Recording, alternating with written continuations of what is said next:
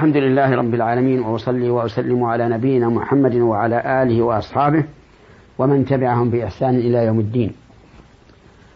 تكلمنا فيما مضى على فوائد وأحكام من الله بها في آخر آية من سورة البقرة. أسأل الله أن ينفع بها. يقول الله عز وجل ربنا لا تؤاخذنا إن نسينا أو أخطأنا. وذكرنا على هذا فروعا كثيرة فهل إذا وقع الشيء خطأ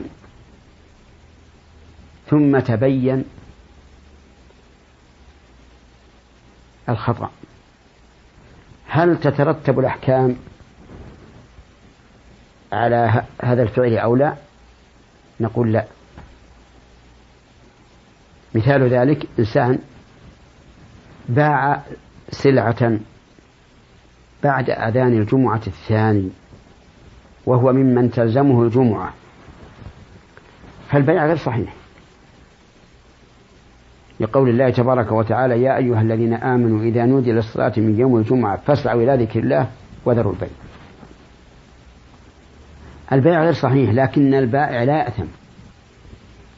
ما دام لا يعلم بالحكم. إلا أننا نقول العلاقة ليس بصحيح. لأن الصحة ليست هي البيع بل هو مترتب على البيع فتبين أن هذا البيع فاسد فلا تترتب عليه الصحة. لكن لا إثم. ومن ذلك لو أن رجلا ذبح ذبيحة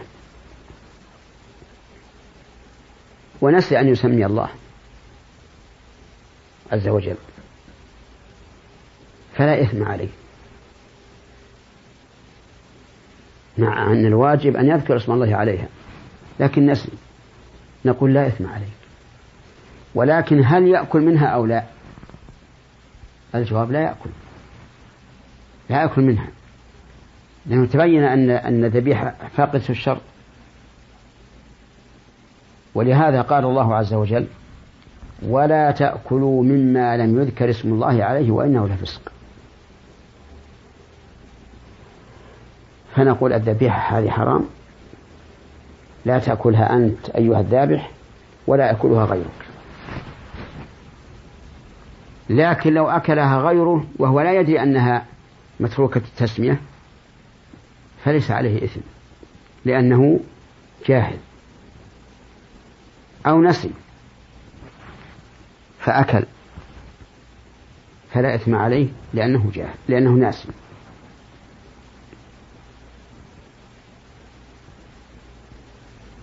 فإن قال قائل هذا الرجل نسي أن يسمي لماذا لا تدخلونه في الآية؟ قلنا إحنا أدخلناه في الآية. وقلنا لا إثم عليه. لكن الآثار المترتبة على شيء غير صحيح لا تكون صحيحة. وهنا شيئان أكل وذبح. الذبح تبين أنه غير صحيح لكنه لا إثم فيه لأن الذابح جاهل أو ناس لأن الذابح ناس لكن الأكل لا يجوز. ولهذا قلنا لو أكل الإنسان الذابح أو غيره ناسيا أو جاهلا فلا إثم عليه. فلكل فعل حكمه. وهذا الذي قررناه هو ظاهر القرآن والسنة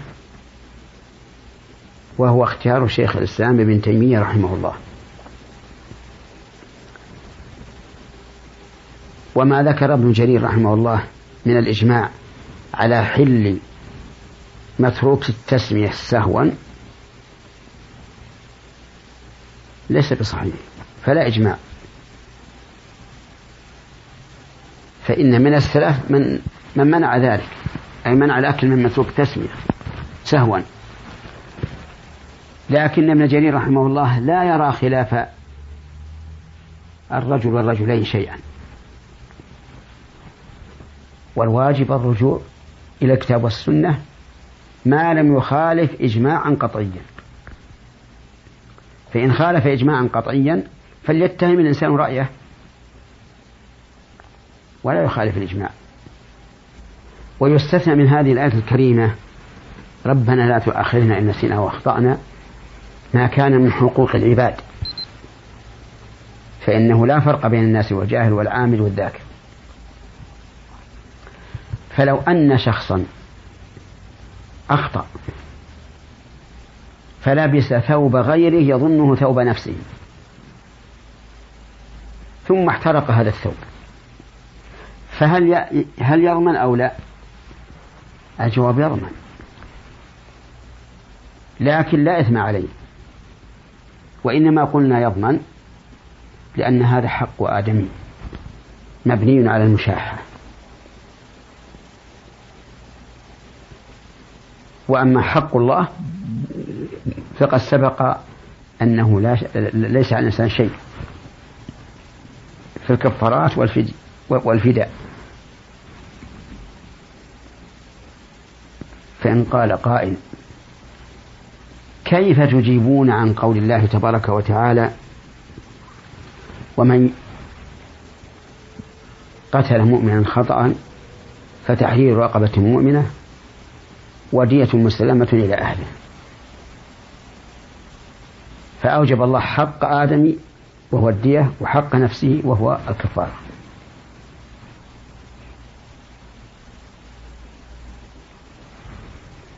فالجواب أن هذه مستثنات من القاعدة. ولله تبارك وتعالى أن يستثني ما شاء. هذه واحدة. وإذا قلت بهذا الجواب سلمت من كل اعتراض. تقول إن الحكم إلا لله. فأوجب الله تعالى الكفارة والدية في قتل الخطأ مع أنه خطأ. والحكم لله عز وجل. فيستثنى هذا من عموم آية البقرة. فإن قلت ما الحكمة أن يستثنى؟ فالجواب أننا نعلم أن كل شيء حكم الله به ورسوله فهو حكمة. فهو حكمة. سواء علمنا تلك الحكمة أو لا. ثم نقول لما كانت النفوس خطرها عظيم. لما كانت النفوس خطرها عظيم صار الواجب حتى في الخطأ في حق الله وحق العباد. وإن كان الفاعل مخطئا. والأمر في هذا والحمد لله واضح.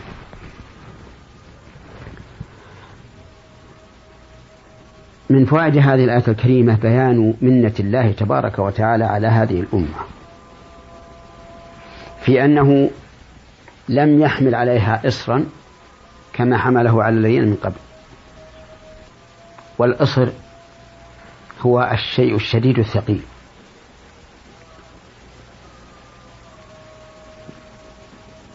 وكانت الأمم السابقة ولا سيما اليهود قد غلظ عليهم في الأحكام الشرعية لأنهم كذبة ولأنهم أهل طغيان وكبرياء.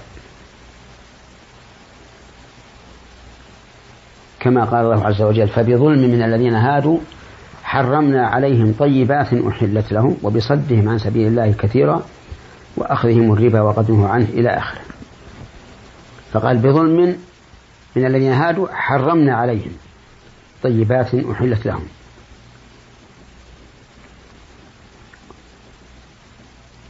لكن هذه الأمة لم يحمل الله عليها من الآثار والأغلال ما كان على من قبلها.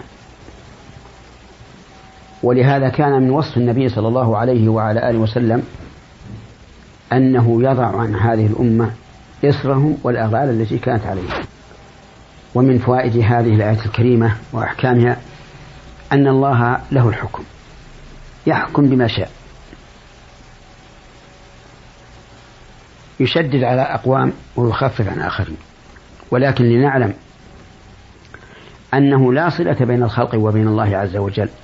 بنسب أو سبب إلا سبب العمل الصالح. وأنه جل وعلا لا يشدد على قوم ويسر على آخرين إلا لحكم بالغة. سواء أدركناها أم لم ندركها. فعلى المؤمن أن يحقق قوله رضيت بالله ربا وبالإسلام دينا وبمحمد صلى الله عليه وعلى آله رسولا. وإلى هنا تنتهي هذه الحلقة. أسأل الله تعالى أن ينفعنا جميعا بما علمنا وأن يهب لنا منه رحمة إنه هو الوهاب. وإلى حلقة قادمة إن شاء الله. والسلام عليكم ورحمة الله وبركاته.